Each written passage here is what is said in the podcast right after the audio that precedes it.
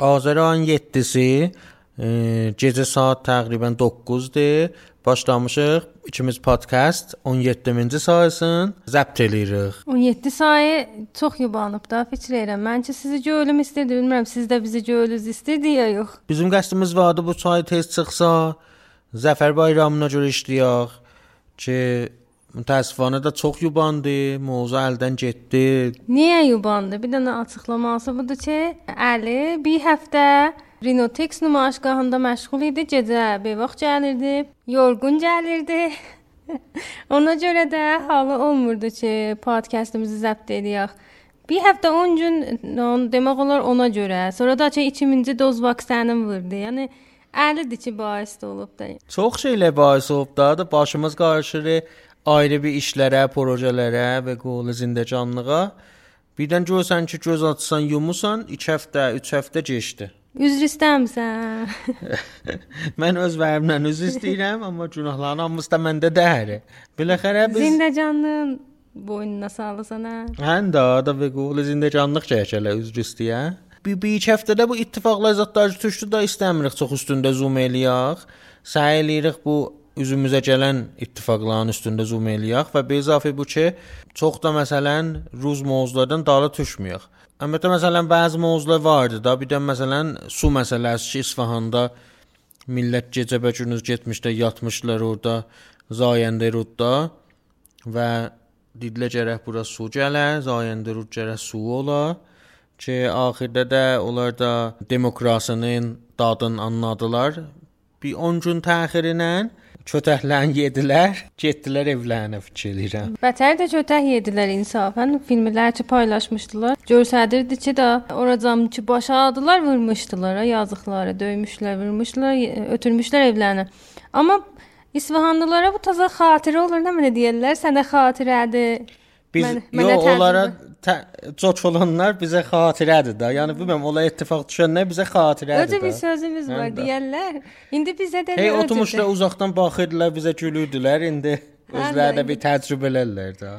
Düzdür, indi biz bu mən ə, e, mırtla deyirəm, amma heç təyid eləmirik. Yəni bu ki, millət ki çıxır etiraz, onu döysünlər, vursunlar. O mizah üçün bunu dedim. Çünki biz Urmu gölünə mən ə, e, heç vaxt yadımdan çıxmaz. Bayram tətilatı idi. Biz də elə çıxmışdıq 3-4 günlük bir müsafirətə. E, yolumuzu dedikcə indi ki fəraxan veriblər. Urmu gölünə görə cəmaət gələcəklər. Urmu gölündə yığılacaqlar. Öz e, himayəti şüarların göldən Yəni fəqət göldən ötür yığışacaqdılar. Sudan ötür yığışacaqdılar. Qərarda hərə bir əlində bizə nimadın su aparsın törsün da gölə öcə bir bərnamə qoymuşlar. Bayramın bilmirəm 12-si idi. 91 idi ya 92 bayram günləri idi da öcür yadımda qalıb mənim də. Biz də elə yolumuzu çördük Ulmu gölünə tərəf gedək həm görək, həm qoşulaq bunlara, həm də ki yaxından özümüz görək da orada olaq. Fəqət bunu deyim biləcən ki, o qəd orada Qardevicə töhmüşdülər gölün dövrəsinə.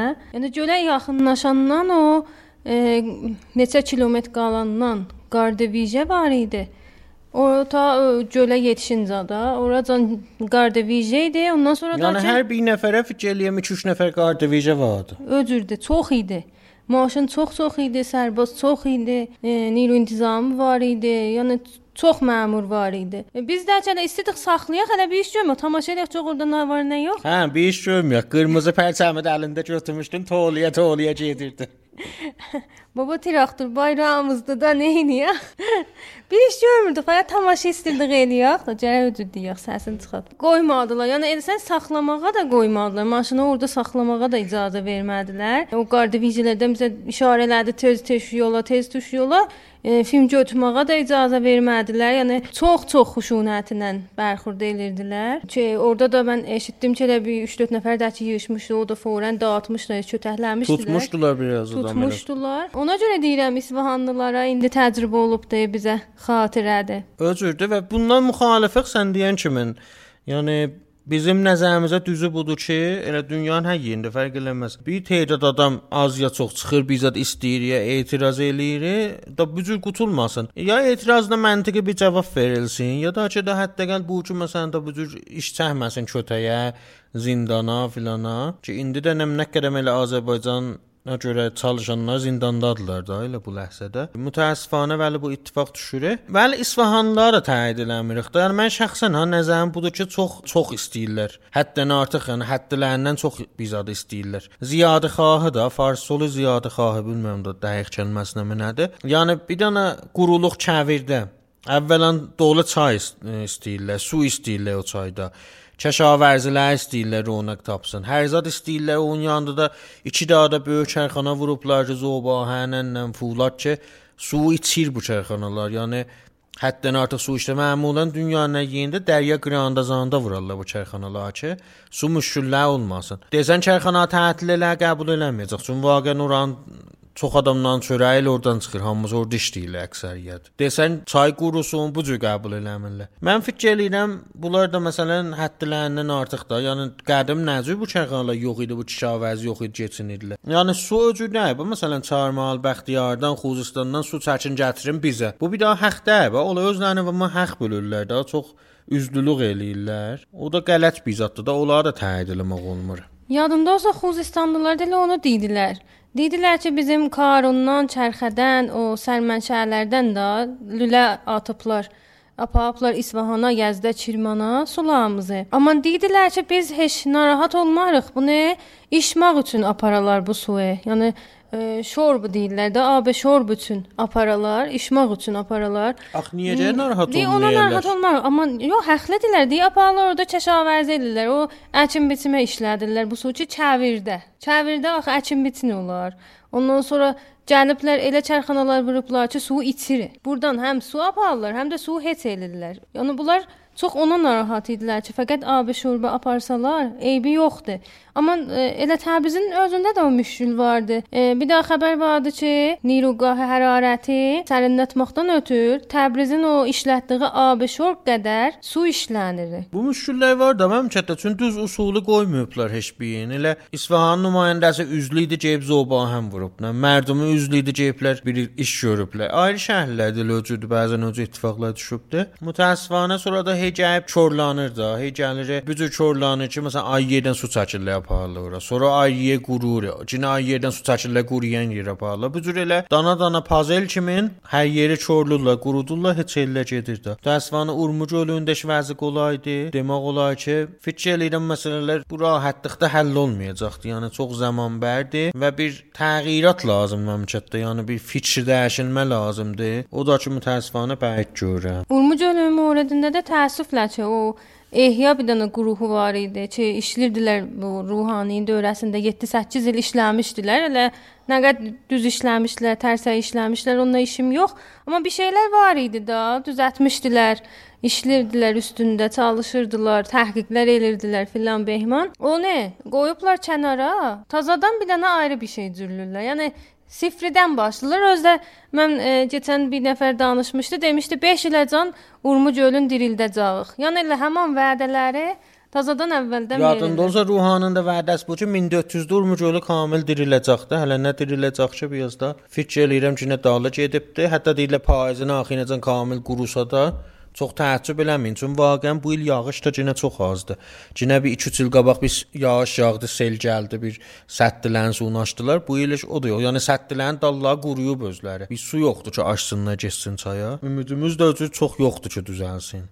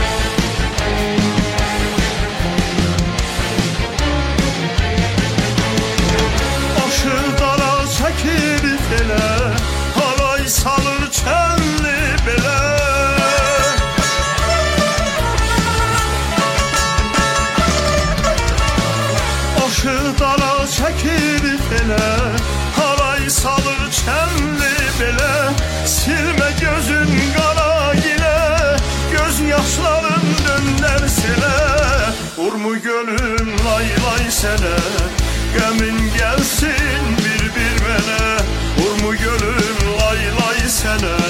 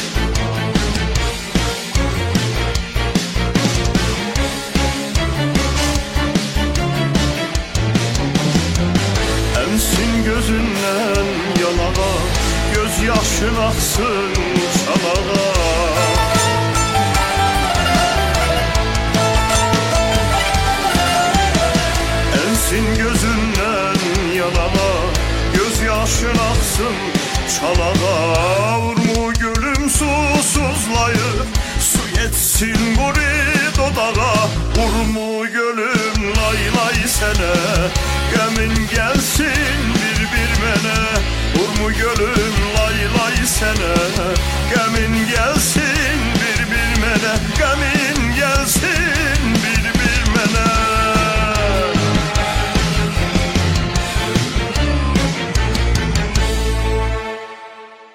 İkimiz podkastının 17-ci epizoduna qulaq asırsınız. Bu bölümdə istəyirik Atabay filmindən danışaq. Biz bu filmi e, Fəcr cəşvarəsi zamanında gedib elə cəşvarə zamanında da görmüşük, 2 il bundan qabaq görmüşük. Eyni dəri filmə tə 2 il bundan qabaq baxmışıq. Çox da sevmişdik. Həm elə qonusunu sevmişdik, oyuncuların o oyunlarını sevmişdik.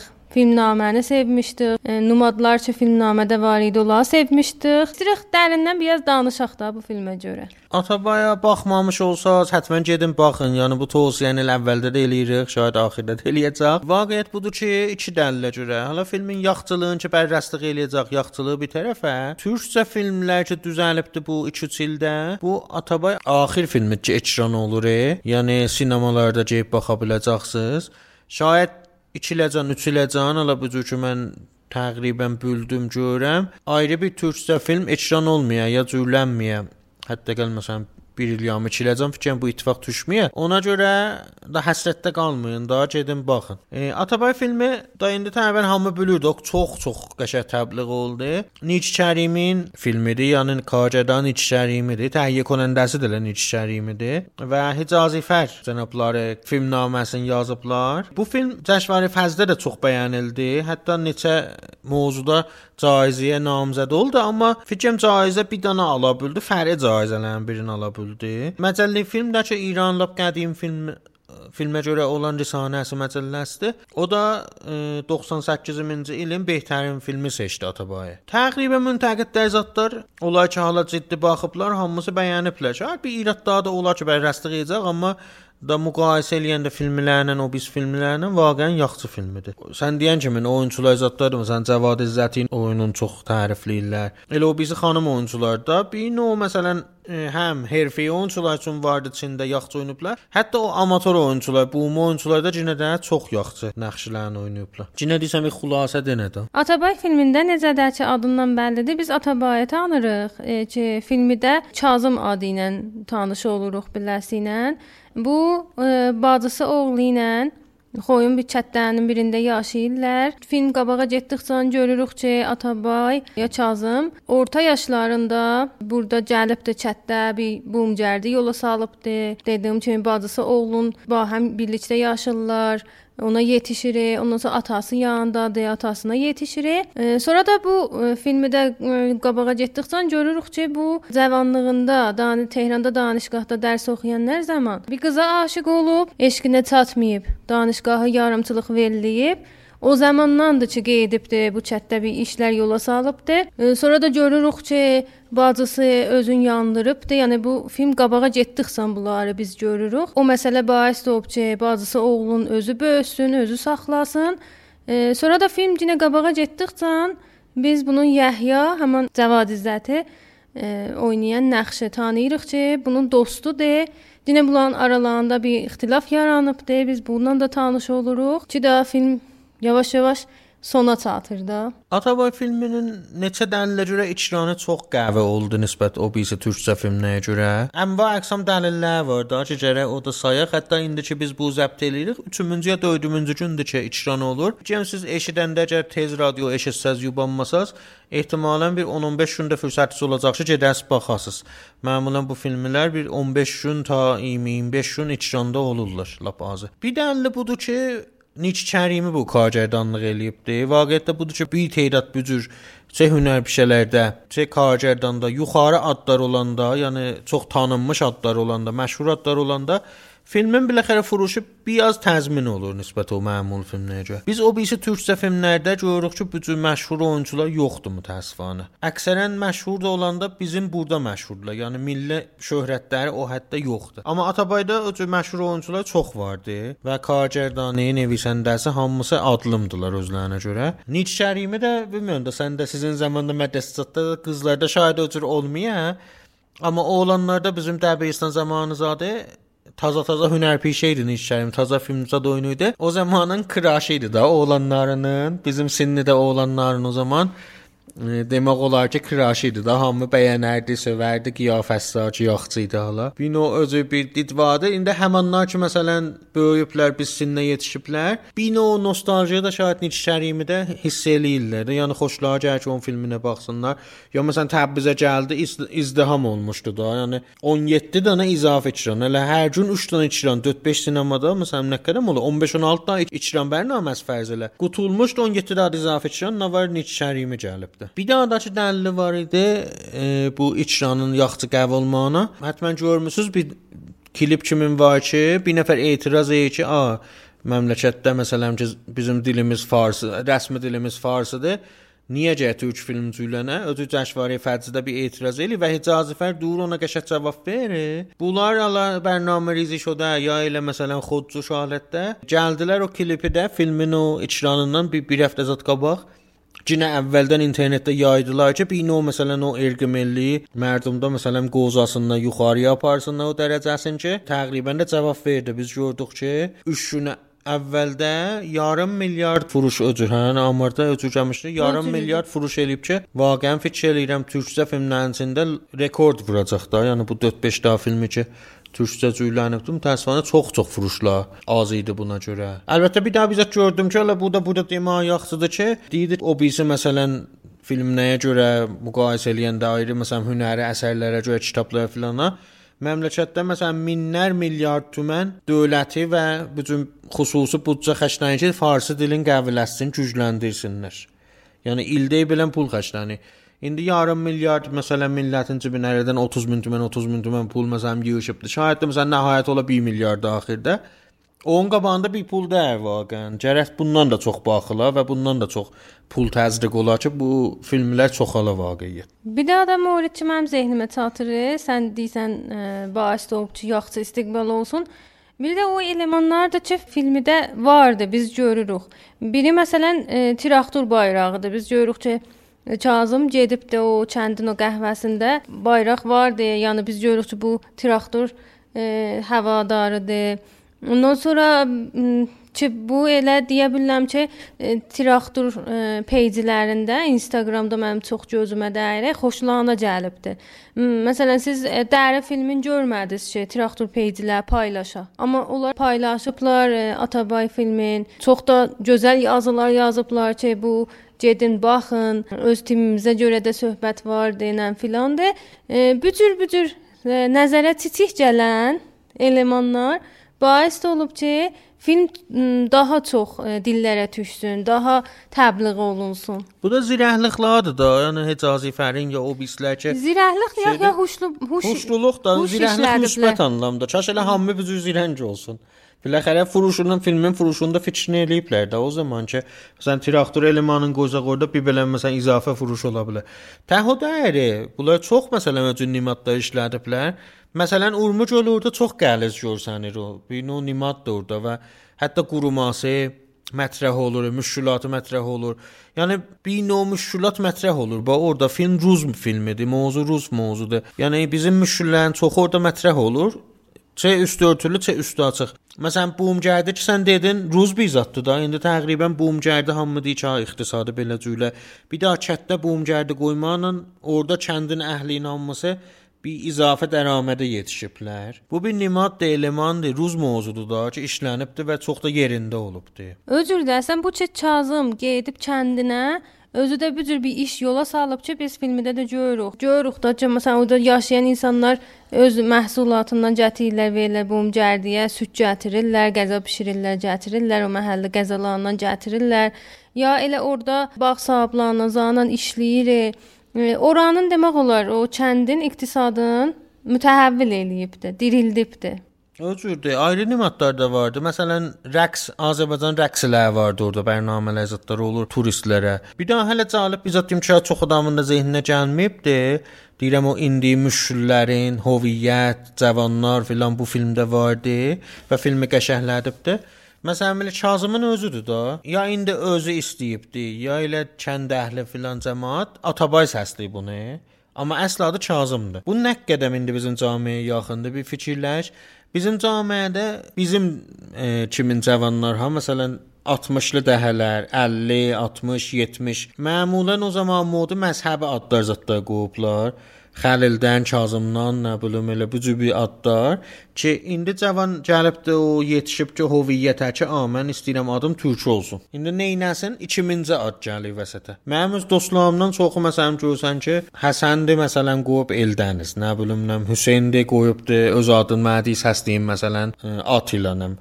Məsələn adını deyə səsləyim məsələn Ayhan. Bu cür bu cür adlar. Səhənd, nə? Hə səhənd, hə. Məsələn, bütün mənim dostlarımdan var ki, ənva adlar və türkü adlar özlərinə seçiblər. Bu cür e, indi Atabay da burada bu təqribən elə o bizim nəslin nimadıdır demək olar ki, Kazım adın söndərib qoyub Atabay.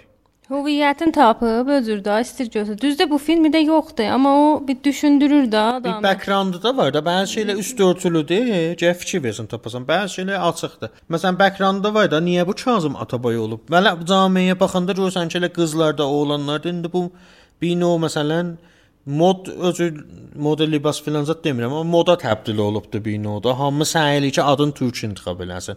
Uşaqlara türk ad qoyurlar çox yaxşıdır. Böyüklər də səy eləyirlər də.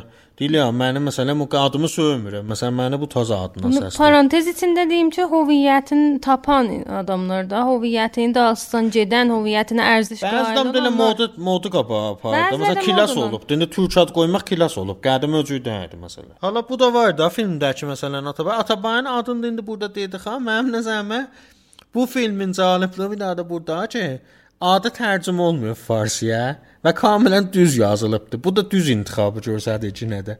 Əlbəttə düzdür ha. Məsələn, inşaatda baş tapmayıblar. Çünki Atabay farsda onlar ətabəkdir. Eləyə bilərlər tərcümə eləsin, hətta Sən filmə dedin örgəşdilər də. Hə, filmi Ətabək. Bəli, Atabay indi orada latini, təqribən latini əlbəttə kamil düz yazılmıyor. Bəli, xop da. Biləxərə Atabay filmidir və fars, türk, hətta ingilisi də filan da tərcümə olmur da. İsmi xassdır. Atabay Adı da türküdür. Sən bunu deyəsən, adı da türküdür. Həm də məsələn Dəriyə filminə Dəriyyətə eləməyiblər. Hər yerdə hətta KC-dən özləri bala-bala mən gördüm bəzi məsələn pustu deyirlər elə. Yəni da adı olub Pust, fars olub. Çünki hər yerdə farsı yazılır. Amma Atabay da o cürdədir. Hər yerdə Atabay. Bir də adam mövridlərdən ki, mənim özümə çox maraqlı idi bu filmdə. Yoldaşların içində də danışanda da demişdim. Xodsuzi məsələsinə e, işarə eləmək. Düzdür, çox e, görsənmi, çox e, bol Xanımların Düzdür, xanım bacının özünü öldürmək şəkli ki, xodsuzudur. Özünü öldürübdü bacı. Özü də xodsuzu ilə öldürübdü. Bu Axı xanımlarda fərq eləyir də o dəlail ağalar. Ağalar məmuna iqtisadi məsələ ləzzətləri olur. Amma xanımlarda fərq eləyir də dəlail. Düzdür, özün yandırıbdı bu cür deyək və bu da e, bu məsələni bu filmi də gətirmək məncə öz düşüncəmdir. Karcədanın xanım olması, çünki bunlar e, filmi çəkmədən əvvəl Bahəm danışıblar. Neçə Kərimi də Hadi Hicazfər də deyirlər neçə ay, 2-3 ay vaxt qoyub filmnamənin üstündə danışmışıq. E, bahəm ölçüb bişmişik. Bu da filmnamə çıxıb eşiyə. Ola bilərdi ki, özün yandırmasın. Bilirsiniz, neçə model qurs yesin. Məsələn, bacı qurs yeyibdi, e, özünü öldürübdü. Amma çünki bu məsələ özün yandırma məsələsi e, İranda xanımların içində çoxdur. Amma amarda ailələrin tərəfindən çoxlu deyilmir. Əvvəldə ailələr gizlədirlər, sonra da ki, dövlətin amarında heç gəlmir. Bizlər bu amardan heç xəbərimiz yoxdur, amma bilirik ki, məxsusən İranın bizim tərəf bölgəmizdə xanımların özlərinin ot vurmaq məsələsi çox-çox yuxarı amarı vardı. Məsələn, mən öz uşaqlığımdan yadıma gəlir ki, 2 dənə mövrid heç olmasa mən eşitmişəm. Biri Məsələn, uzaq familiyalardan xanımların biri idi ki, özün ot vurubdu, öldürübdü. Biri də ə, e, qonşulardan, içinə uzaq qonşulardan idi ki, yenə özün ot vurubdu, yandırıbdı. Bəlkə bunlar heç amarda sayılmayıbdı, gəlməyibdi. Məsələyə toxunmaq çox-çox məncə önəmlidir. Dediyim kimi bu cür məsələlər e, bizim məmləkətdə gizlənilir, ə, e, öcür deyilmir. Ə, həm də ki, sən deyən kimi də xanımlarda yayğındır bu özünü öldürmək, yəni özün ot vurmaq. Xanımlarda da illəti çoxlu e, mən baxırdım, həm yoxsulluq, yoxsulluq yəni pul yoxsulluğu, həm də ki kültürel e, yoxsulluq, yəni fəqri fərhəngi deyirik də. Bunlar baisdə olur ki, çox özlərini ot vursunlar, yəni zorla evləndirmək, kiçik yaşlarla evləndirmək, e, bu ki o ər evinə gedir, hesab ərin söymür, ondan zindecanlı təhəmmül eləyənmir. Çün tələq almaq da e, xanəvadə tərəfindən, ailə tərəfindən yaxçılıq qarşılanmır. Axır yol özünü öldürmək görür ya özün ot vurmaq görür. Filmdə də elə demək olar bu qonudur da, elə bacı bu şəkildə özün ə, öldürübdü. Burada da sən deyən kimi də cinə də elə həmin yetişirik buracı ruz mövzular ya məsələn mövzular ki, müş camiə müşüllərdə filmi də qəşəng göstərilir də. Yəni deyirəm az ya çox, hala bəziləri çox qəliz, bəziləri az, bəli vardı. Hamısından bitkələr vardı sən deyən kimi. Amma kullən film acı filmdir və bu sən deyən qismətdən sonra o biz qismətləri çox da şirindir. Bir növ aşiqanə filmidir da. Yəni buna deyiləsən film bu film tiplə filmlərə film, aşiqanə film deyirlər. Eşq üzü ilə cüylənib. Filmin də şüarı budur da. Eşq hər dərdə əlacdır da. Özü bir şüar qoyublar filmində. Düzdür. Mən bu mən deyən bölüm e, deyirlər filmin qıssa, qıssa bir tikəsidir. Amma çox önəmli tikədir məncə. Mən e, yerin çox böyük görürəm bu filmdə. Amma filmin əsli dedim də aşiqanədir, şairanə bir filmidir. Yəni ssenariyo bir cür yazılıb ki, nə bizə əziyyət eləyir, hətta bəzən güldürür, ağladır, bəzi məsələn fikrə vadar eləyir, amma əziyyət eləmir biləmizə. Çox yumuşaq bir ssenariodur. Ondan sonra da çox qəvə bir ssenariodur. Yəni nevisəndə karədən adam görür ki, məsələn, bülür ki, filmin əvvəl-axirinə mən olacaq. Yəni ağahanə bir senaryo yazıblar, o cürdə şəkkinlə filana. Çərçivə assa düzdür, qəvidir. Filmdə dedim də, məsələn, biz çox gülməli bir zətlər də görürük. O cürdə deyək, indi bir-birinə saydı hamısı qəm, qüssə, müşkülət olsun. Məsələn, gülməlilərin biri bir müsəlləsi eşq cüylənibdi orada ki, komedilik də veribdi bəzən filmə ki, bir daha kəndin Ayə Hicazifər oynayan Nəxş Atabay bir dənə o turistlər minnət Cəblə o kəndə dövlətdə o, o qıza aşiq olubdu və çətdə də bir dənə bumi qız bu Atabaya aşiqdir. Bino müsəlləsi eşqi də yaranıb ki, baxsaz gözəl məsələn bəzən sinemada o o səhnələrdə vaqəən gülmək səsini eşidəcəksiniz. Yəni o cür bir gülməli dialoqlar azadda vardı. Çün bin o sadəlıq və o cür bir müsəlləsi eşqi ba həm əl-ələ veribdi, gülməli eləyib. Bu müsəlləsi eşqi də elə bir daha bir qismətini deyim ki, vaqə mən özüm gülməyim tutmuşdu və xoşum gəlmişdi. Deyirəm, bunlar həm acıdı, həm gülməlidir.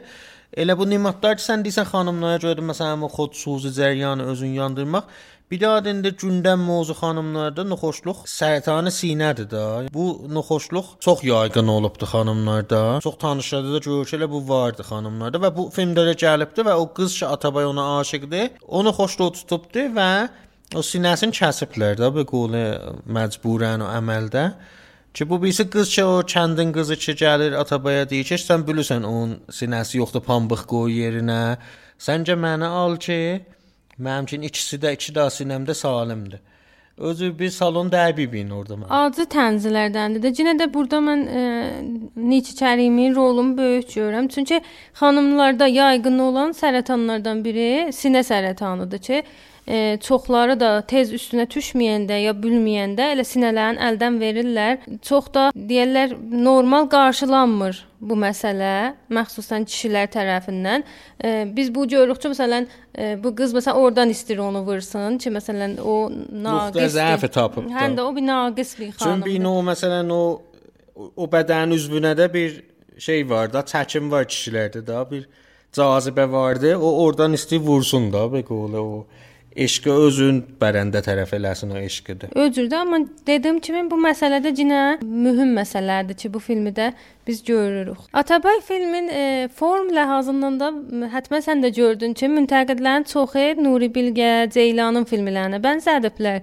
E, bu ləhazında tərifləyiblər. Ondan Kiarostami'nin filmlərinə də deyirlər. Düzdür, Kiarostami də deyirlər. Təsir götürüb etməndə. Düzdür, oxşur da da. Ola bilər.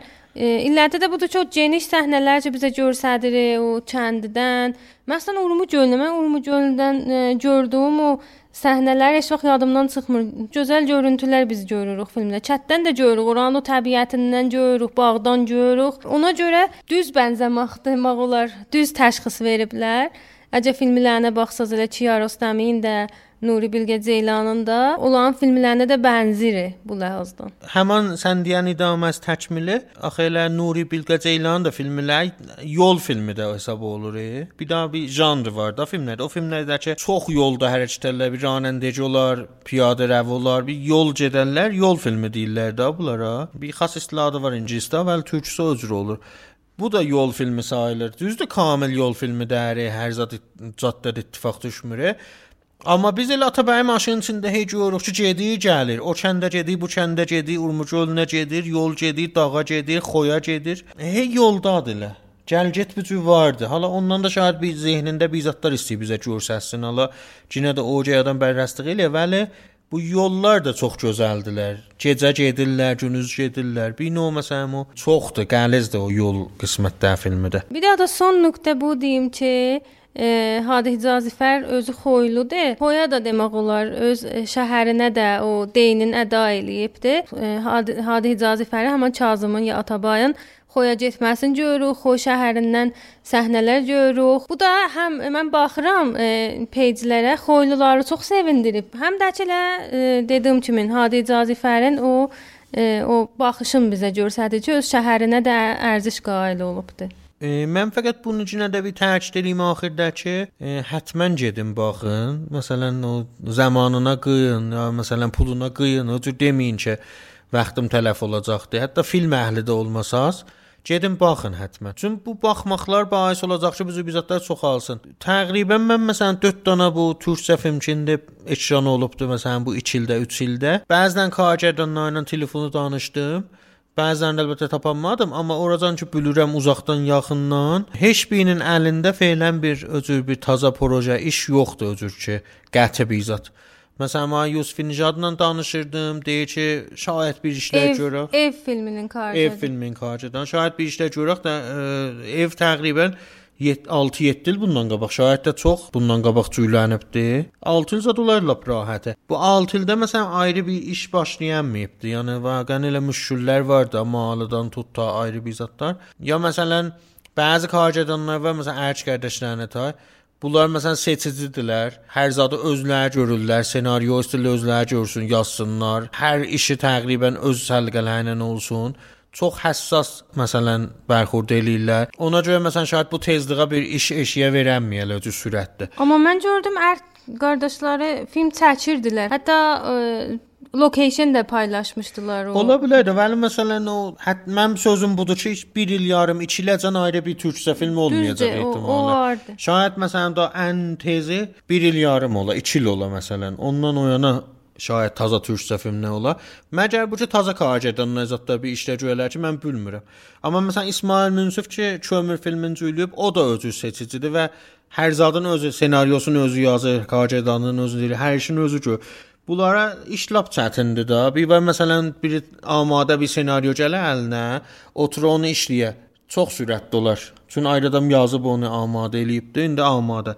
Bir də var indi mən bu gündən başlayam hələ ssenaryosunu yazam, bir fikir eləyəm, location tapam, səhnə tapam, çəkər. Oradan ki, hala mən təqribən danışdım ya bilirəm, 1 il ya 2 iləcən siz ayrı türkcə film görənməyəcəksiniz. Əlbəttə bir iki daha film var. Məsələn, bir daha Tərlan adında film var ki, Seyyid Məhəmməd Hüseyni Cüylüb Ərdəbilli fikrim kargerdandır. Bu məsələn sinemaya da, şəbəkə xanəcidə ekran olub. Fikrim internetdə də vardı elə təzə şəbəkə xanəciyə qoyublar. Gedib download eləyib baxa bilərsiniz də. Ya məsələn Qaban adında bir daha türkcə film vardı. Səccad Səqəfi kargerdanıdır. Bu da düzdür cürlənibdi, amma heç cəşvari fərzdə də qəbul eləməli. Yenə bu da fikrim şəbəkə xanəciyə cürlənibdi, ya hələ özü mücəvvizlərinizdən alınmayıbdı. Fikir eləyirəm ki, bu da məsələn çəkər hələ 1 il ya 2 il ta ekran olsun. Xarici cəşvarilərə də yollayıblar bir iki mövrid. Bunlar hələ mövcudlardır. Bir daha da ki, Namo filmi Nadir Sayıver cürlənmişdi ki, bunda da asla əcib qəribdir. Bu Namo filmi zahirən türkcə filmidir, yəni türk filmidir. Azərbaycan filmidir.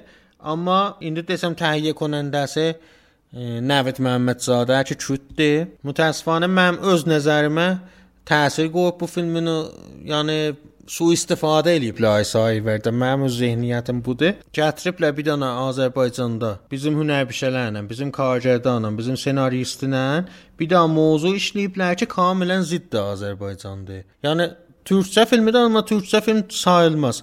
Əvvəla mövzusu ki, bir dənə məzlum kürdür ki, gəlir mühacirət eləyib Təbrizə və Təbrizlilər hamısı nə mənə deyək məsələn ə, ədəblisi nə mənə olar? Qovullar. Hüllühbaz, Qovurlar kələbaz, nə mənə deyirlər, nə nə mənə olur?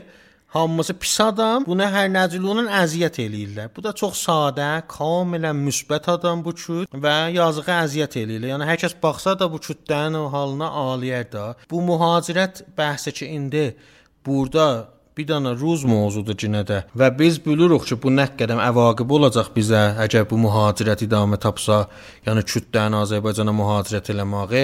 Biz heç nicadına müxalif deyirik, amma vaqəən bu bir mənfi bir təsir qoyacaqdır Tarixi biz tarixi təcrübələrin üzü ilə danışırıq. Nicadə yoxsa baxışımız kütlər demirik pisdir. Əslən özür demirik. Bəli, hərə öz yerində. Yəni indi sabahlan bir bir mühacirət çoxalsa, əsəratı insan bir iki daha sonra bölünəcəkdir. Yəni Azərbaycan neçə dəfə gərək həmin Kötəhiyyə. həm də həmin tarixi olaylardan kötəhiyyə ki biz ayılaq. Ona görə də indicə ayılmış olaydıq, bu özür deyim. Dəqiqən. Bu Namo filmi də elə öcür. O istəyir o müsbət göstərsin. Yəni o filmi ikran eləsələr bu da Təbrizdə elə bir Təbrizliyə deyirlər ki, qoyun o olay mühacirət eləsin bu. Onlar çox yaxşı adamdılar. Siz pis adamsınız. Hayküdə çıxdı internetdə e, ikram ki olmayacaqdı fikir eləyirəm bu özü də. Ümumi ikram fikirmiş olmayacaq. Elə bu da nəhayətdə şəbəkə xanəciyə. Ki yaxşı filmidir, xoşsaxtdır filan da, amma da mövzu nəzərindən mən fikir eləyirəm ki, da batırıblar da. Bir də ki də elə səsi çıxdı, elə iyi çıxdı ki bunun ki Sayver deyir ki, "A, bu filmi dublə eləyək farsiyə, farsı film olmalıdır." İndi yəni cəşvarələr gedir. Da türkü filmlikdən çıxıbdı. Düzdür? Nə bir şeylər həmin buradı filandı. Bəli, farsı danışırlar. Bir şey də dublə eləyiblər farsiyə. Elhamdülillah Rabbil alamin ki, da türkü film sayılmır, farsı filmi sayılır. Bəli də mövzusuz ailə bir cür adam utanır da ki, bir qolu təbliğ eləsin ya desin gedin baxın. Bunları qoysaq kənara bu 3 dərc saydım. Mən fikir edirəm 1 il yam içiləcən axır sözüm bu idi ki, bir ayrı türkçə film olmayacaqdı. O ləzzəti də aparamayacaqsınız. Ona görə indiki ekranda olanlardan nəhayət istifadə eləyin və əldən verməyin. Yəni Dəri filmində, Atabay filmində, Dəri filmi bilirəm ki, hələ sinemalarda vardı, hələ ikrandadır. Əgər gedib görməmisiniz, Dəri filmin Keçən epizodda da danışmışıq ona görə çox gözəl, yuxarı fəlsəfəsi vardı, usturələrə dayanır. Onu da əldən verməyin. Atabayın təbliği çoxdur. E, amma Dəri e, filmində kölgəyə atmayın. Yəni onu da yaddan çıxartmayın. Dəri filmində, Atabay filmində gedin baxın.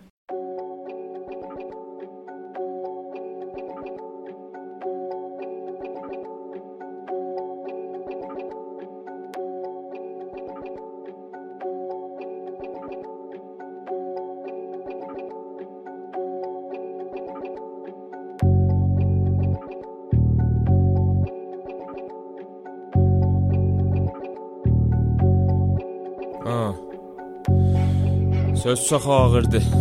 Qafa çəkmir. Əlləş xırdal. Görürəm bir günü ki dalım mənim qaçmayacaq. Təbrizin qaşqabağı bir də mənə baxmayacaq. Bu yolun hər nə olsa çətinliyin qələmsilər qalacaq bir əbədən dağ kimi at səhəndidən. Görürəm bir günü ki dalım mənim qaçmayacaq. Təbrizin qaşqabağı bir də mənə baxmayacaq. Bu yolun hər nə olsa çətinliyin qələmsilər qalacaq bir əbədən dağ kimi at səhəndidən. Ömrümün keçən acı günlərim də yadımda. Aşmasam yanar ürək aşmağımla bağışla. Aşmayı mərcələnə hər gedənə bağırda çıxar fəqət ürəkdəki sözlərim bu ağızdan. Yazaram hər gecə mən parça-parça şikayətim. Zırılar yaş gözümdə düşən yağış ibarəti. Yazılar bu nəxşənin hisadəti, rizaləti. Keçidər yaş gözümdə il boyunda bir saati Görəndə bulud təkin uzaq yolun rast gələr. Görəsən qış gedəndə gülər yüzün yaz gələr. Qələmin ömrü qalar mürəkkəbin az gələr. Başımda bir vəhi tək səs çıxar ki yaz gələr. Deyirəm yazım gərək ürəkdə bu şikayəti. Zülm ilə acdan ölmə bu iştibas siyasəti. Boşları şeirimlə yazan bəlkə boşdala Qələmim deyər istisən ki estu yox ola. İstəmə nazil olsun göydə ulduz bəla sənə. Etimad etmə yalan adamlara nə saatə. Ərisin damarlarım Dayanam ürəkdəki hərarətə, dayanam göylər üstə şahid olan bu aləmə. Görəm bu torpaq üstə töküləndə o qanları, eşidəm xoş səsi ilə tülkü deyən yalanları, üstəki riyasətlə yoxsa pul talanları, nəfəsim təngə gəlsə inad edəm adamları. Görürəm bir günü ki dalım mənim qaçmayacaq. Təbrizin qaşqabağı bir də mənə baxmayacaq. Bu yolun hər nə olsa çətinliyin qələm silər, qalacaq bir əbədən dağ kimi at səhəndidən. Görürəm bir günü ki dalım mənim qaçmayacaq. Təbrizin qaşqabağı bir də mənə baxmayacaq. Bu yolun hər nə olsa çətinliyin qələm silər,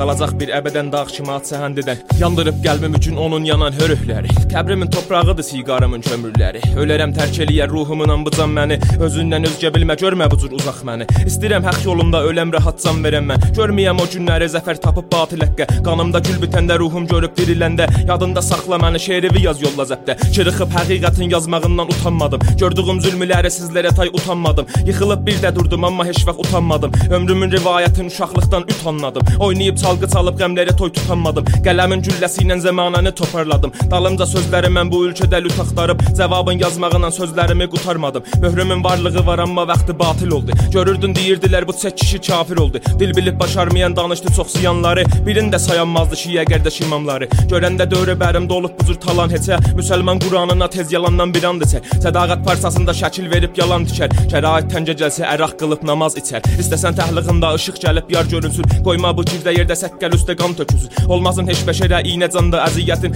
Adamlıq qalar sənə, budur mənim vəsiyyətim. Görəndə tikrar olur anla deyən dilsələrdə. Toxunar kənarında pərdə üstə silmələrlə. Görəndə mən görəndə alışsın bu qəm səsə. Qulağın tağa çarə etimad etmə hər kəsə. Sadəcə söz yazaram uzaq durar kinayələr. Dinlədi göy üstündə görmürəm heç nişanə mən. Qutulur söz kəlamı insana var işarələr. Artıraq bu Qur'ana mən dilində bir ayələr. Qorxuram çox danışam neyniyim ki ürək dolub. Səhərdən işlə gecə süfra üstə çörək yoxun. Bilməsin qədrimizi bu məmləkət əmək korun Uşaqlar Torpaq üstə qabaqcadan bələh doğun. Azadlıq mümkün olmaz bu sadə var millət ilə. Səmərin başımda var ağac təkin silkənirəm. Çoxları haqq yolunda can verdilər, ölmədilər. Haqqımın almağına rəbb libası giyməlisən. Eşitsən ki bir nəfər tezliğinlə haqqın aldı. İnanma bu barədə hər nə deyirlər yalandır. Pulların gölüncüdə üzü yeməyilsən yaşa. Ərzişə onda minər adamdan bir ad qala.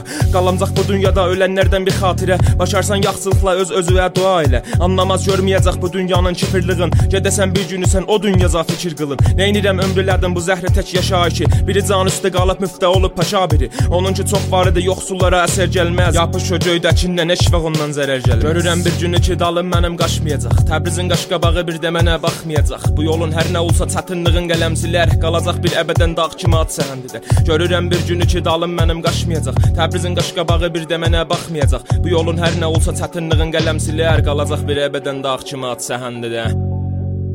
Eştu ki deyirlər mənə.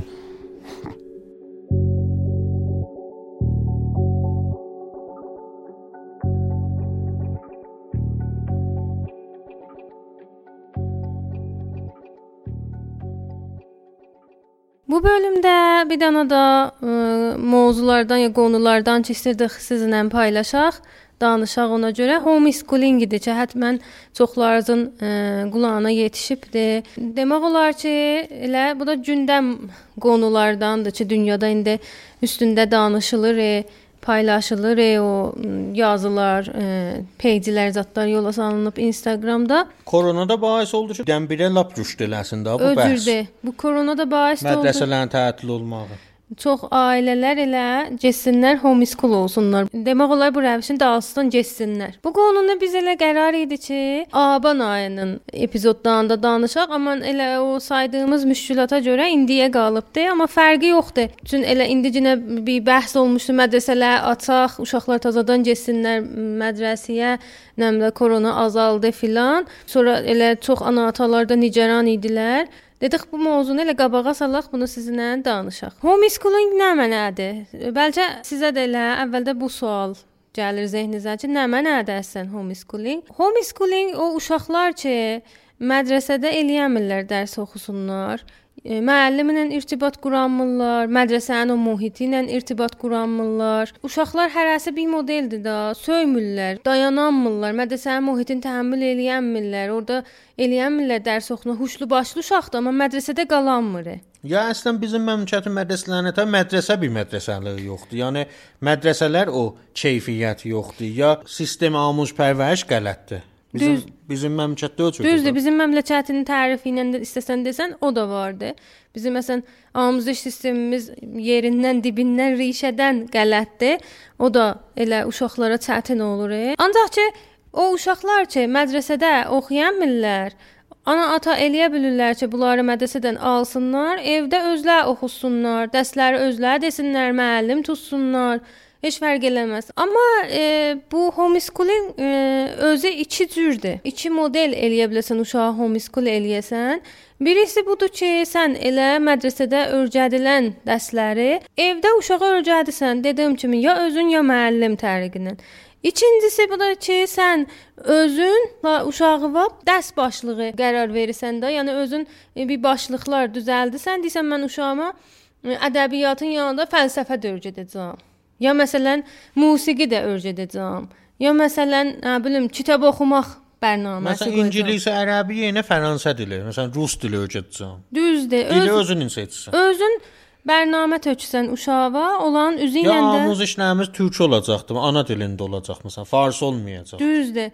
Yəni öz əlində, öz ixtiyarında sevdiyin, istədiyin o Dərsləri uşağa başlasan, öyrədirsən, uşaq da sənin bərnamə ilə qabağa gedir. Homeschool ə, e, olmaq ə, e, dünyanın demək olar hər yerində qəbul olunub. Sən deyən kimi də bu neçə ildə, bu 2-3 ildə də çox-çox rəğbət dünyanın hər yerində, ha, nə e, elə İranda fəqət çoxalıbdı. Ailələr çox elə uşağın istəyirlər evdə özləri dərs versinlər, öyrətsinlər. Amma e, demək olar ki, İranda özü ki mən bildim 3 dənə məmləkətdə İranda, Almanda, Hollanda hələ qanunu olmayıbdı. Yəni sən eləyənməsən deyəsən ki, mən uşağımı mədrəsəyə qoymuram.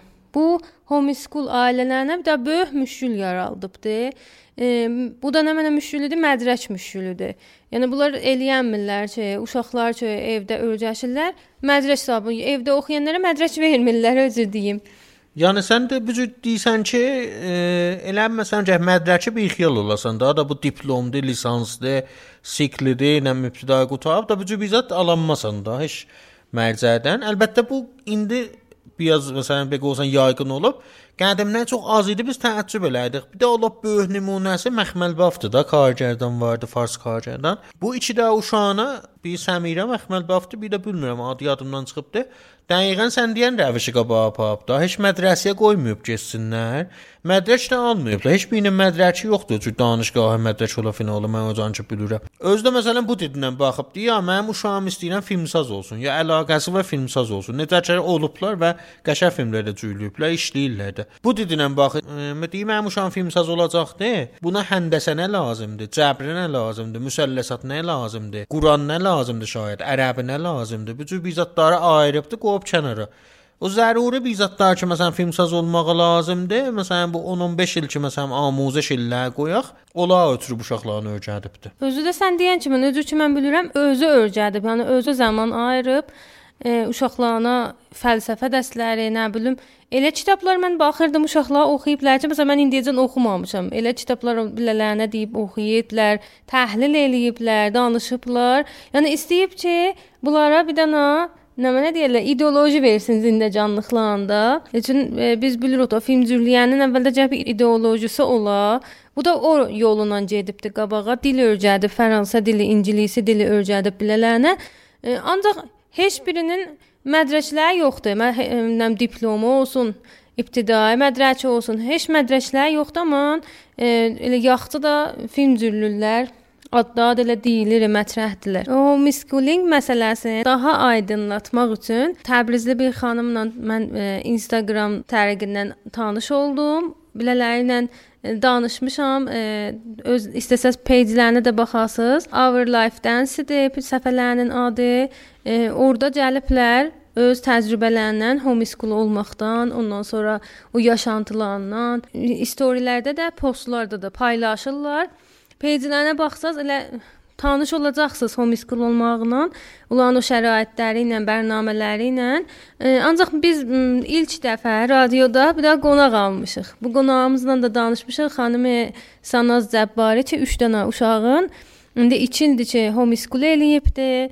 Yəni evdə uşaqlar dərs alırlar, dərs öyrədirlər. Sanaz xanım sağ olsun, burdan təşəkkür edirəm. Bizə vaxt qoydular, vaxt ayırdılar.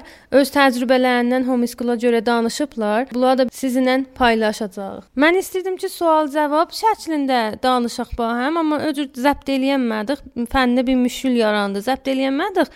Sanaz xanımın söhbətlərini siz dalbadal eşidəcəksiniz. Amma o baş konular bunlardır. Mən soruşmuşam ki, e, necə oldu ki, əsən niyə homeschool oldunuz? Necə oldu ki, homeschool-u seçdiniz? Sanaz xanım bu məsələni çox aydın e, bizə açıbdı, tərifləyibdi.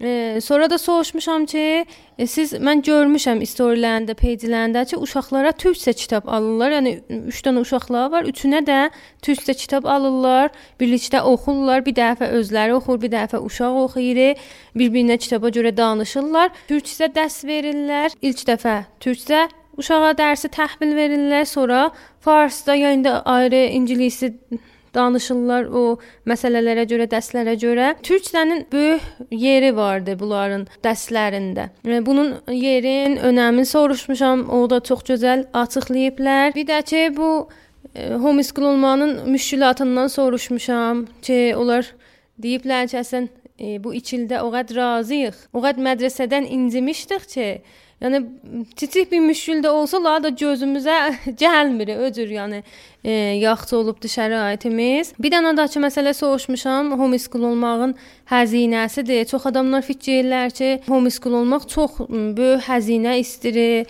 E, gərək çox pulun ola, uşağı eləyəsən, e, eləyə bilərsən, müəllim tutasan, klasslara aparasan. E, o da çox gözəl açıqlayıblar.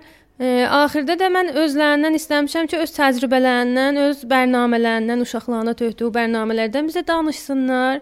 E, ki, onlar da özü sıra ilə bizə qulaq asacaqsınız, yəni eşidəcəksiniz. Sanaz xanımla təşəkkür edirəm. Sizləri də dəvət edirəm ki, Sanaz xanımın söhbətlərini eşidəsiniz. O qədər çoxdur mənim dəlillərim bu işə. Yəni sayı ilə başa gəlmir. E, mənim qızım 2 il piş dəbistana gedibdi. Yox, 1 il. Bir il piş dəbirstanı gedib, hələ o da çox adda-budda gedib, ha, çox adda-budda. Yəni elə də çün oğlum ki, dünyaya gəlmişdi, istirdim məsələn, xop mənə də istirahət lazım idi. O uşağa da biraz izafədən təvəccüh eləmək və bu kiçik uşaqdan ayrılmaq. Ona görə məsələn hərdən bir aparardım bu məhəlləmizdə piş dəbirstanıya. 6 ildə Təbrizin mənim gözümdə yap-yaxçı mədrəsəsində oxuyub. Yəni elə idi ki, mən müdirinə çox ehtiram qailəm və kadrına çox-çox çox roşən adamdır. Bu müdir hər il gedərdi bunların bir qrupları var, gedərdilər dünyanın o az nəzər təhsili pişrəftə yerlərinə oran bərrəsi elərdilər onları, oran danışqahları, mədrəsələrin, amuzş pərvərişin və tamamilə bu adam çalışırdı ki, çox bir deyərlər update halətdə bu uşaqları e, pərvəriş versin. Müntaha sistem müşküllüdür. Sistem qoymur həm onu update müdür, neynəsin, istədiyini icra eləsin. Sistem o qədər müşküllüdür ki, da ələhqəl bir olmuş tərim müəllimdə çox belə bariz müşkülünən klassda huzur tapır. Deyə bilirəm. Çox mu mübtədi bir e, danışıqlar, hərəkətlər, iştibah amuzişlər klassda üz verir. Kamilən ələhqəl bir olmuş müəllimlər. Sistemdədir müşkül. Mən evdə bir seri gərək bu uşağı bir şeylər öyrədəydim, göndərəydim mədrəsəyə, gedəydim mədrəsədən qeydəydi, beyninə dolmuşları siləydim, yerinə düzün oturdaydım, taşdan göndərəydim mədrəsəyə. Bu bir dənə dəlil idi. Yəni mən mədrəsənin kadrı dəyərdim, vəli kadrından çox oradaydım. Bir qorxular vardı. Yadam klassda durbin qoyacaq, evizdə durbin qoymuşuq sizə baxırıq. Bir seri bu cür məsail var idi. Bu kitabın muhtəviyyatı bir cür. Uşaqları bir-birinə müqayisə eləməklər bir cür. Bir uşaq hünəri bir uşaqdır. Əslən mədrəsədə o şey ki yoxdur, hünərdir. O şey ki yoxdur, vərzişdir. Ərzişlər cabicadır. 3 dənə sabit dərs öyrədir. Riyazi, farsi, ulu. Amma bu 3 dənə də müvəffəq ola bilməz. O klasın o cəvvi ki, uşaq sıxılır. Oğlan uşaqdır. Nədir klasda otursun? Evin içində bunların enerjisi o qədər çoxdur ki, elə bizərə oxuyur, dur bizərə atılır, düşür. İndi gərək bir dənə pəncərəsiz klasda, təhviyyəsiz klasda, müəllim dura qabaqda mütəkəllimul vəhdə ta 3 rub. 3 rub sonra 5 dəqiqədə zəng təfriqdən rəf eşqala keçər. Bu uşaq heç vaxtı yoxdur yemək yesin. Bu nə vaxt oynasın, nə vaxt təamülat ictimaisi olsun. Və mənim oğlum hər gün ağlardı mədrəsəyə gedəndə. Yəni gün olmadı bu klass əvvəli bir getdi, bir də pişdəbistani. Gün olmadı bu uşaq ağlamasın. Və 3 dənə də mədrəsə dəyişdik. Onlayn klasslar ki başladı koronaya görə çox əzab çəkdik. Çox. Da iş ora çatdı ki, mən bilmirdim ki, homeschool ola bilər. Fəqət iş ora çatdı ki, mən fəqət bu ağama dedim ki, da bu uşaqlar mədrəsəyə getməyəcək. Dedim mən bilmirəm nə olacaq. Mən fəqət bunu bilirəm ki, bunlar dərs oxumaqla bu modelinə bir şey öyrəşmirlər, zərbə görürlər. İstəmədik bu mədrəki ki, bu uşaqlara verirlər. Rəsmən rəvanları dağılır. Ayrı amuzişlərdən qalırlar, zindəcanlıqdan qalırlar. Bildir idarədən zəng vurdular ki, sən uşağı səbtinam eləməyibsən. Niyə səbtinam eləməyibsən? Mən də onda da xam idim də. Dedim ki, mən homeschool eləmişəm. Dedi, sizə irca veririk mərakiz qanuniyə onda biləsən. Mən də deyim ki, olsun, siz işinizdə olun, mən də işimdəyəm. Müntaha bir yol içi biz tapdıq. Xoş, bəzi xanivadələr deyirlər ki, hər nə olur olsun, bizim öz hədəfimiz və uşağımızın aramışı bizə hər zaddan önəmi çoxdur. Ona söhbət yoxdur. O bulan hər zadın ayağında dayanır. Deyir mən diplomacan qoymayacağam bu getsin mədrəsəyə, mədrəki olsun, o kitabları oxusun. Özüm o şeylər ki lazımdır buna öyrədəcəyəm. Diplom ilində gedəcək deyəcək ki, amzuş pərvərişə indi yox mədrəsə ilə danışacaq. Ancaq özünüz bilirsiniz də mədrəkin almağına nə var. Xülasə deyəcək, mən qoymayıb mədrəsə indi mən gəlmişəm diplom alım. Düt da icazə verəcəklər ki, get, neynə? Biləxərə bir mərahili var da, bula oxucundan imtahanını ver. Bu bir rəvişdir. Bir dənə rəviş var ki, hər məqtədə 6-nı oxuyanda, 9-u oxuyanda, bir də 12-yi oxuyanda الیا بلاسس چه دستی داری آموزش پرورشه. دی اسوس چه ما هم اوشاقون بازمانده از تحصیلی ده بو قانون وار ماده چهل و چهار. چه جه دستیز دی اسوس چه ما هم اوشان بازمانده از تحصیلی ده بیداجارت دلیل قانون کننده جهت رسیز بو اوشاق این دیستیر ادامه تحصیل بره. اداره آموزش پرورش سیزه معرفه لیزاق مدرسه لن بیرینه. دولت مدرسه لن بیرینه. او مدرسه ده موظف دشه سیزن اوشازدان اویلین امتحانون آلا. اصلا کلن بو قانون وار چه خب هر ایل الیا بلر به هر دلیلی بو اوشاق bازمانده از təhsili olubdur. Bu işi görəsiz ki, gələndən idami təhsil verə. Bəli, xop da biraz sistem Elə deyil ki, siz açıq gedib bu qanun illə yox gərək elə xas şəraitdə olasan. Pula da hesab istir də ki, məsələn bunu tövcih eləyəsən ki, bu dəlilə mənim uşağım mədrəsəyə getmir, vəli dərsini oxuyub. Vəli bu ittifaq düşür ki, 6-om, 9-om, 12-om bu işi görəsən. Hamıdan da rahat rəviş və əlbəttə onda görə hər il o kitabların bir tədadını oxuya, budur ki, bir dənə mədrəsədə səbtinamə eləyəsiz, müdirlə anlaşasınız. Deyəsiz ki, mənim uşağım gəlməyəcək mədrəsəyə, amma burada səbtinamdır.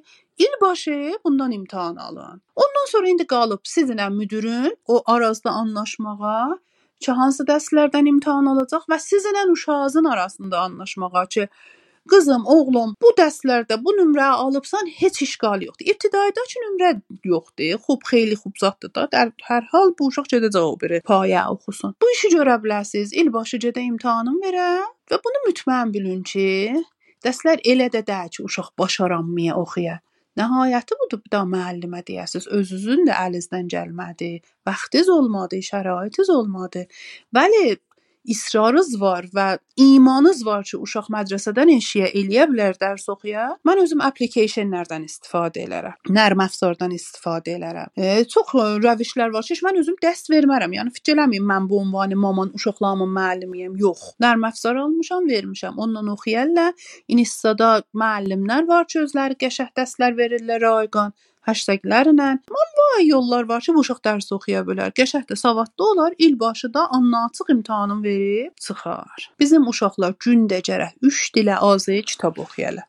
Türkçə, fars, ingilis. Türkçə dərsi verəndə düzdür da indi farsiyə bunlar demək olar müsəlləhdilər. Amma sözü anlatmağa bu işi mən bilən bu uşaq bildi bunu. Deyirəm ol öz dili və də cümlədir. Nə bildim bundan. Uşaq öz dili ilə deyəndə, ya məsələn deyim, filan şeylə mən bilmirəm bu nədir. Görürəm baba onun ədəbiyyatını bilmir ba. Axı olmaz ki bir də məsələn 7 yaşında, 8 yaşında uşaq bu 8 ildə ana dili danışıb və haqqı da ana dili danışmaq.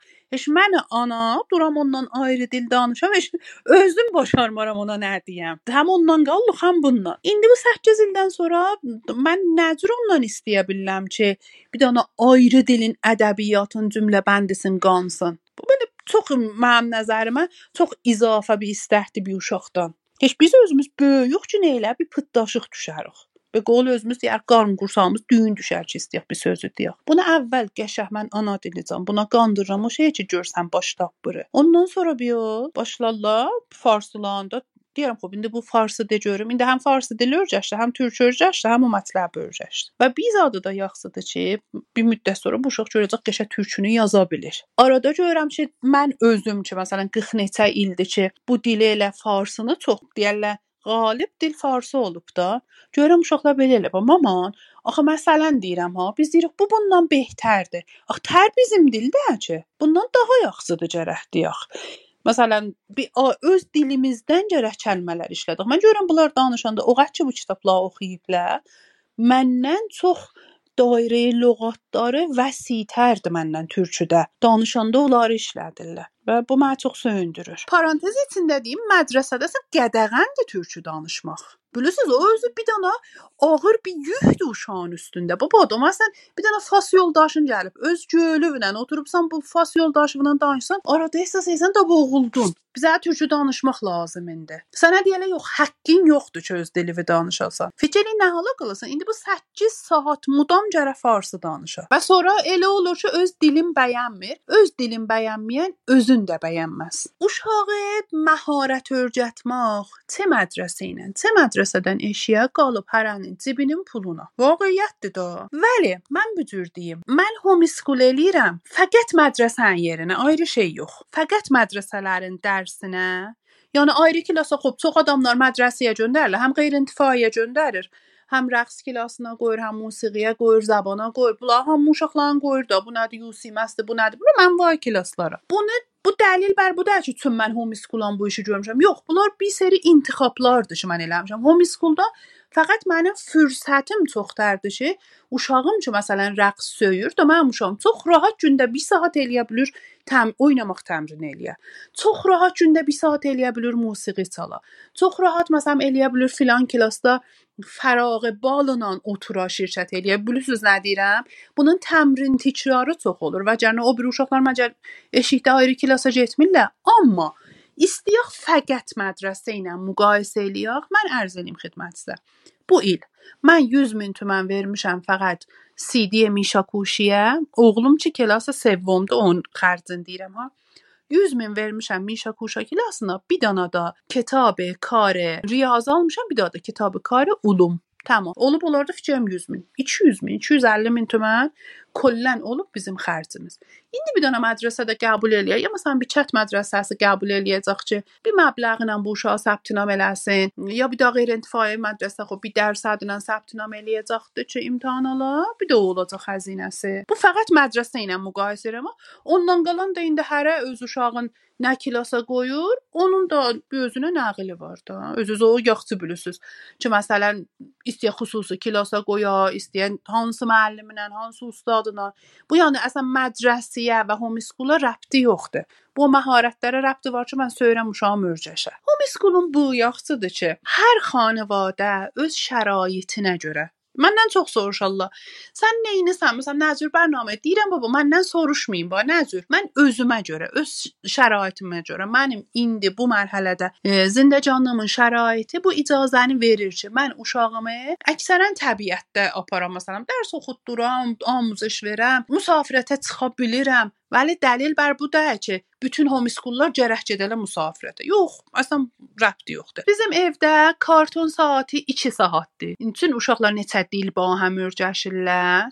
Karton o zəru elə bir amuzəşi bir şeydir bizdə bu cür deyim. Bir Fransa kartonuna baxarlar, bir İngilisiyə baxarlar, bir də İspaniyaya baxarlar. Ona görə də 9-da elə məsələn klassdır da, gərək oturalı kartonun başında 9 yarımda. 11-də də gəh baliyə. Hətta bunlar dərslərində ki, oxudular. Bir seridə ingiliscə o məbhəsi YouTube-da açaram baxarlar. Sanas xanımın söhbətləri o qədər şirin idi, o qədər axıcı idi. Həm də ki elə yaxşı ittiliat vardı içində. Bilirəm ki, hamımız indi qulaq asanlar əlbəttə istifadə elədilər, amma 2-3 dağdan nöqtə mən izafələdim deyim ki, özü ki elə siz də eşitdiniz. O dərslər ki, mədrəsədə onlara əslən əhəmiyyət verilmir. Biri məsələn musiqidir ya hünər e, klasslarıdır.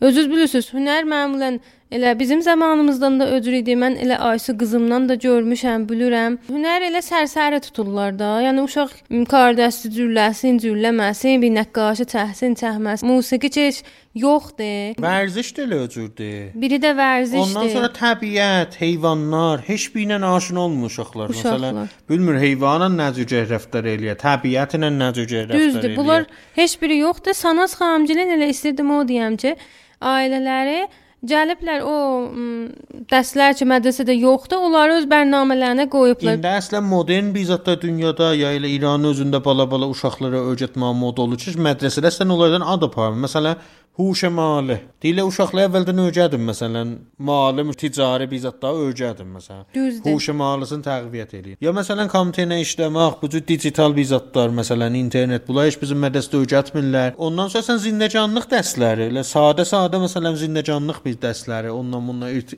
irtibatı dərslər məsələn. İnsanlarla təamül İrtibat eləmək. bəli, özü əsən yoxdur. Hələ bizat deyim bilə və bizim mədrəsələrin məsələn müşküllər fəqət bir iki dana deyil ki. Məsələn bizim mədrəsələrin bir daha müşküllər dünya ilə fərqli qızla oğlanı əvvəl ibtidaidən ayırmaq. Hələ yaxşı kodeksdən də bahəmdirlər. Bu bilirsən nə qədər müşküllərə bais o ayəndə bizim cəmiyyətdə ənvay məsələn fərzlə inhiraflar zətlər bir sərçəşməsi də burdandır. Bunlar deyilə bəs yaxşı şöylə fisadın qabağını alırlar, nə bilim, bəzi şeylərin qabağını alırlar, amma ayəndədə məsələn 30 il, 40 il bu adam məsələn 50 il ki məsələn sirində canlığı vardı.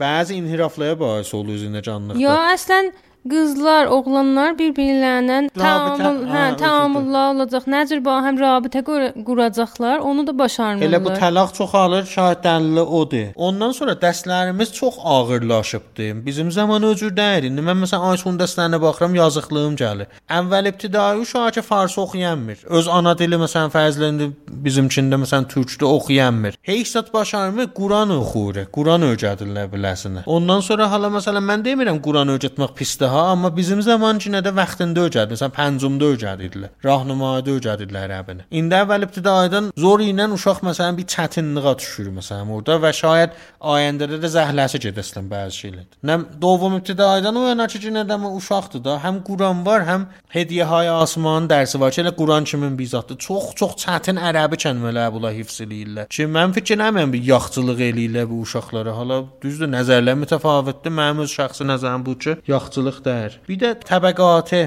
təfavütdür. Yəni mədrəsələrdə illa sən qeyri-intifai, nə vay mədrəsələr ayrıblar şahid, nə filan behman. Bir növ təbəqatı fərqi də yaradıblar uşaqlarda. Yəni məsələn sən indi yazdıysan məsələn dövlət mədrəsəyə, o rəviş amuzş o vaxtı ki qoyurlar məsələn qeyri-intifai mədrəsə ilə çox fərq eləyir. Bu da bir cəmiyyətdə cinə dayəndə bir müşküllər yaradacaq ki, şair indi bölünmür. 10 il sonra, 20 il sonra bölünəcəkdir. Sən deyən kimin də bunlar hamısı müşküldür ki, həll eləmək olmaz məgər ki bir tərkibi rəviş əl tapaq. Mənim də özümün ürəyimə yatan e, budur ki, bizim elə dedik də amuzş sistemimiz payədən, rişədən qələtdir. Uşaqlar o uşaq ki, indi gör nə qədər etnik vardı bizim məmləkətimizdə. Ərəb uşaqları, türk uşaqları, ciyləçilər, bəluçlar, kürdlər uşaqlıqdan öz ana dilində danışıb, eşidib, bəlkə çətlərdə heç televizyonlarda da olmayıb, heç farsda bir qulağına dəyməyibdi. Birdən-birə gedir mədrəsəyə, başlayır farsı danışmağa. Çünki biz bilirsiniz bizim mədrəsələrdə müəllimləri icbar elirlər, uşaqları icbar elirlər ki, e, gərək farsı danışasınız, uşaqlarla farsı öyrədəsiz. E, bu uşaq nə qədər fikirləşin, stres çəkir, istirab çəkir, danışa biləcək, cavab verə biləcək, bəzən cavab verənmir, müəllim e, təhqir eləyir, uşaqlar gülürlər, uşaqların tərəfindən təhqir olunur. Bu uşaqlar çox çətinlik çəkirlər. Bu homeschool olmaq bir dənə ki hüsnü vardı. Bu uşaqlıqları bu istirabdan, stressdən uzaqladır.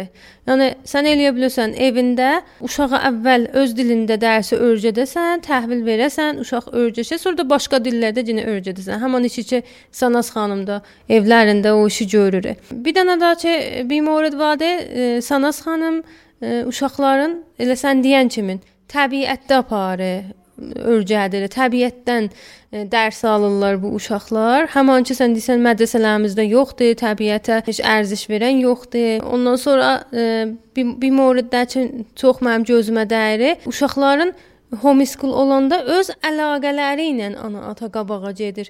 Uşaqdır. Məsələn, rəqsə əlaqəsi var. Ana-ata ona bir vaxt açır. O ona çox zoom eləyir.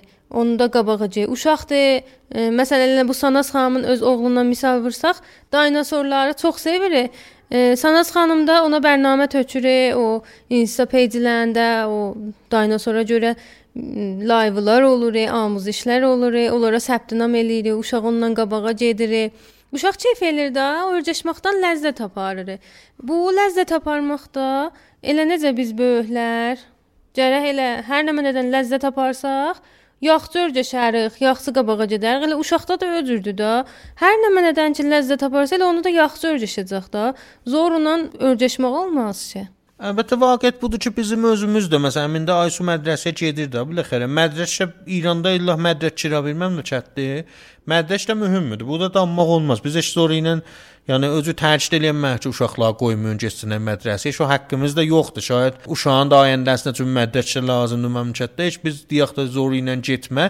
O da uşaqdan bir daha haqq almaqdır. Məgər ki, mütməyin olaq ki, onun ayəndəsini təzmin eləyə biləcək, mali ya hər nədə be qolu zəminədə ki, odan vaqəən bu məmləkətdəki hər zət havadadır, mütməyin olmaq olmur. Mənim öz zehnimə gəlir ki, lap yaxşı rəviş bu olar ki, ata-analar bizə rizafə vaxt qoysunlar uşaqlarına, tərkibi rəvişdən istifadə eləsinlər. Uşaq mədrəsəsinə getsin, dərsini oxusun da çarə yoxdur. Amma onlarla yormasınlar. Biraz onu məsələn ana ata-ana da yüngül tutsunlar, müəllimi ilə danışmaqla, ya indi hər tərəqi ilə də özləri 1 saat, 2 saat gündə vaxt ayırsınlar o birisi məsələlərə. Həmin dedik də təbiət, huş mali, digital kompüter ya məsələn uşağın öz səlqəsi ilə də sən deyən kimi musiqi, rəqs Hər nə mənə ki, məsələn, fikr elə uşağın ayəndəsinə niyazdır, onları tövsü bir bərnamə tövsünlər, bir daha tərkibi fوق bərnamə kimi bizatlar yaratsınlar. Əlbəttə bunları Sanas xanım danışıqlarında çox gözəl açıqladı. Mədrək olmadı, neyniyək? Yəni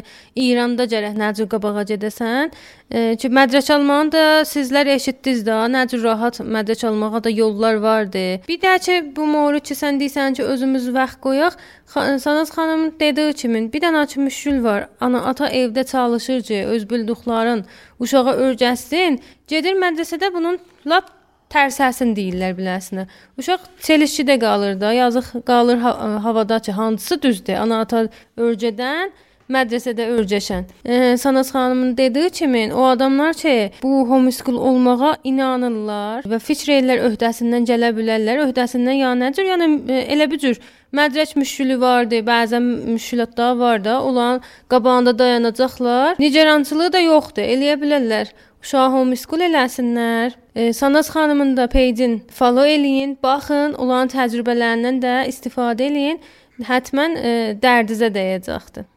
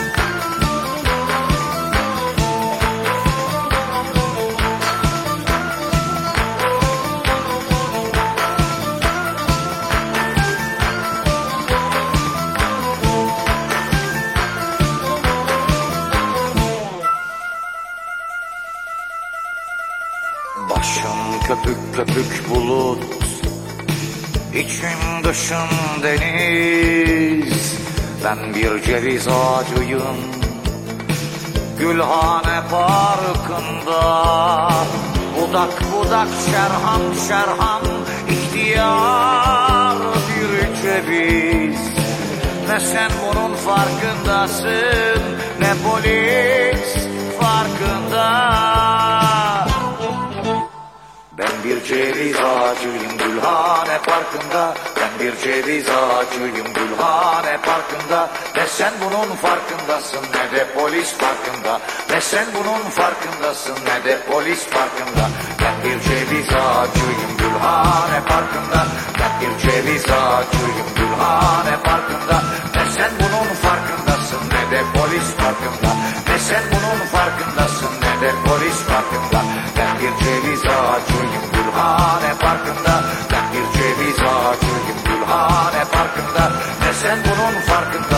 ne de polis farkında?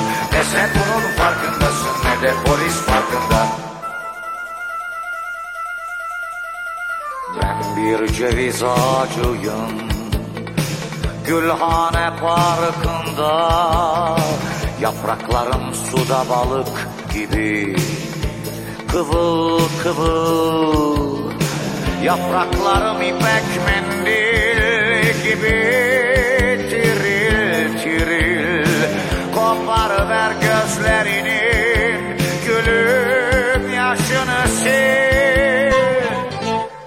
Ben bir ceviz ağacıyım Gülhane Parkı'nda. Ben bir ceviz ağacıyım Gülhane Parkı'nda. Ne sen bunun farkındasın ne de polis farkında Ne sen bunun farkındasın ne de polis farkında Ben bir ceviz ağacıyım Gülhane Parkı'nda bir ceviz ağacıyım Gülhane Parkı'nda Ne sen bunun farkındasın ne de polis farkında. Ne sen bunun farkındasın ne de polis farkında. Ben bir ceviz ağacıyım Gülhane Parkı'nda Ben bir ceviz ağacıyım Gülhane Parkı'nda Ne sen bunun farkındasın ne de polis farkında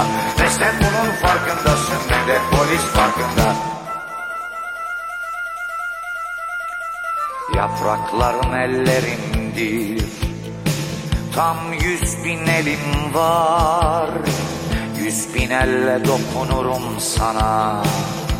İstanbul'a Yapraklarım gözlerimdir. Şaşarak bakarım. Yüz bin gözle seyrederim Seni İstanbul'u. Yüz bin yürek gibi çarpar Çarpar yapraklarım ben bir ceviz ağacıyım Gülhane Parkı'nda. Ben bir ceviz ağacıyım Gülhane Parkı'nda. Ne sen bunun farkındasın ne de polis farkında Ne sen bunun farkındasın ne de polis farkında Ben bir ceviz ağacıyım Gülhane Parkı'nda. Ben bir ceviz ağacıyım Gülhane Parkı'nda sen bunun farkındasın ne de polis farkında. Ne sen bunun farkındasın ne de polis farkında. Ben bir ceviz ağacıyım Gülhane Parkı'nda. Ben bir ceviz ağacıyım Gülhane Parkı'nda. Ne sen bunun farkındasın ne de polis farkında. Ne sen bunun farkındasın ne de polis farkında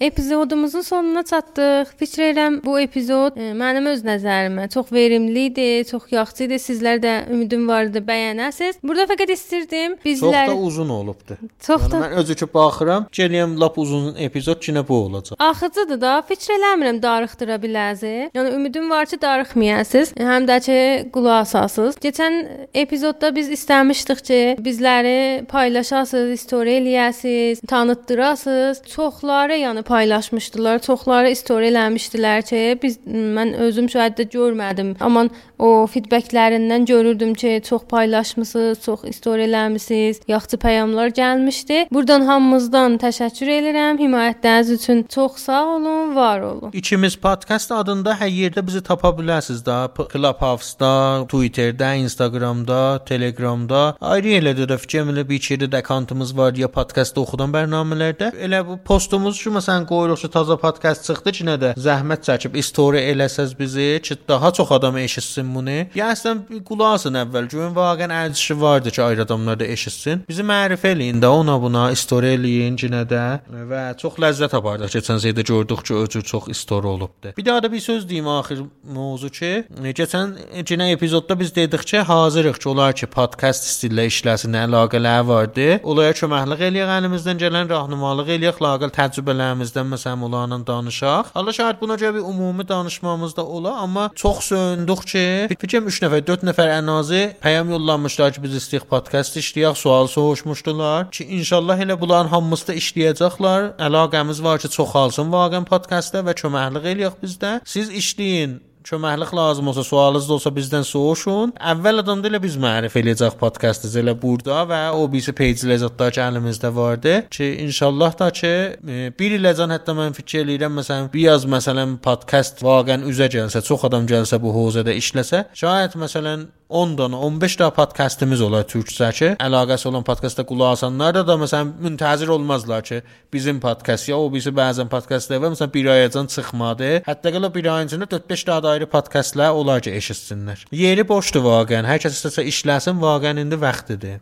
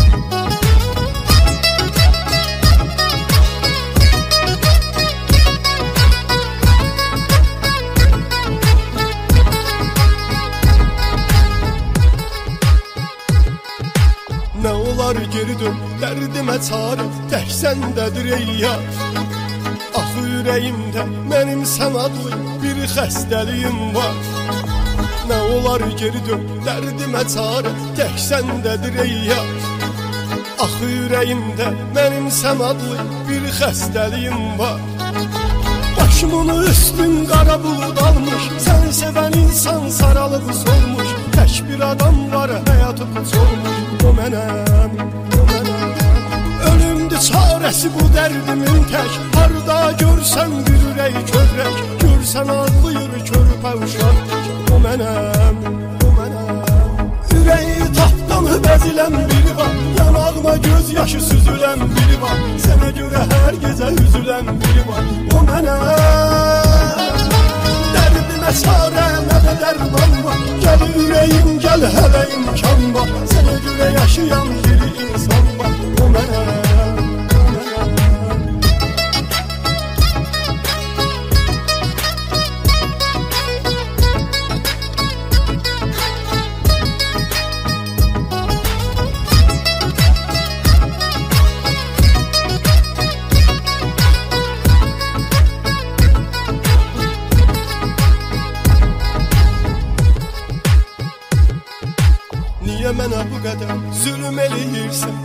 sənə neyləmişəm Səndən özgəsi yox ürəyimdə Axı sənə söyləmişəm Niyə mənə bu qədər zülm eləyirsən Mən sənə neyləmişəm Səndən özgəsi yox ürəyimdə Axı sənə söyləmişəm İstəməyənlər baxdı sevindi. Sənə də mənim tək həyat çətin Nə sən o sənsən, nə də ki mənim o mənəm Xoşbəxt yaşayaq olmadı mümkün Biz bu məhəbbət eylədi sürgün. Yolunu gözləyən biri var hər gün O mənəm, o mənəm. Ürəyi taxtdan bəzilən biri var Yanağıma göz yaşı süzülən biri var. Sənə görə hər gecə üzülən biri var O mənəm. Dərdimə sarə nə də dərman var Gəl ürəyim, gəl hələ imkan var. Sənə görə yaşayan bir insan var O mənəm, bəzilən biri var Yanağına göz yaşı süzülən biri var Sənə görə hər gecə üzülən biri var O mənəm Dərdimə sarə nə də dərman var. Gəl ürəyim, gəl hələ imkan var. Sənə görə yaşayan bir insan var. O mənəm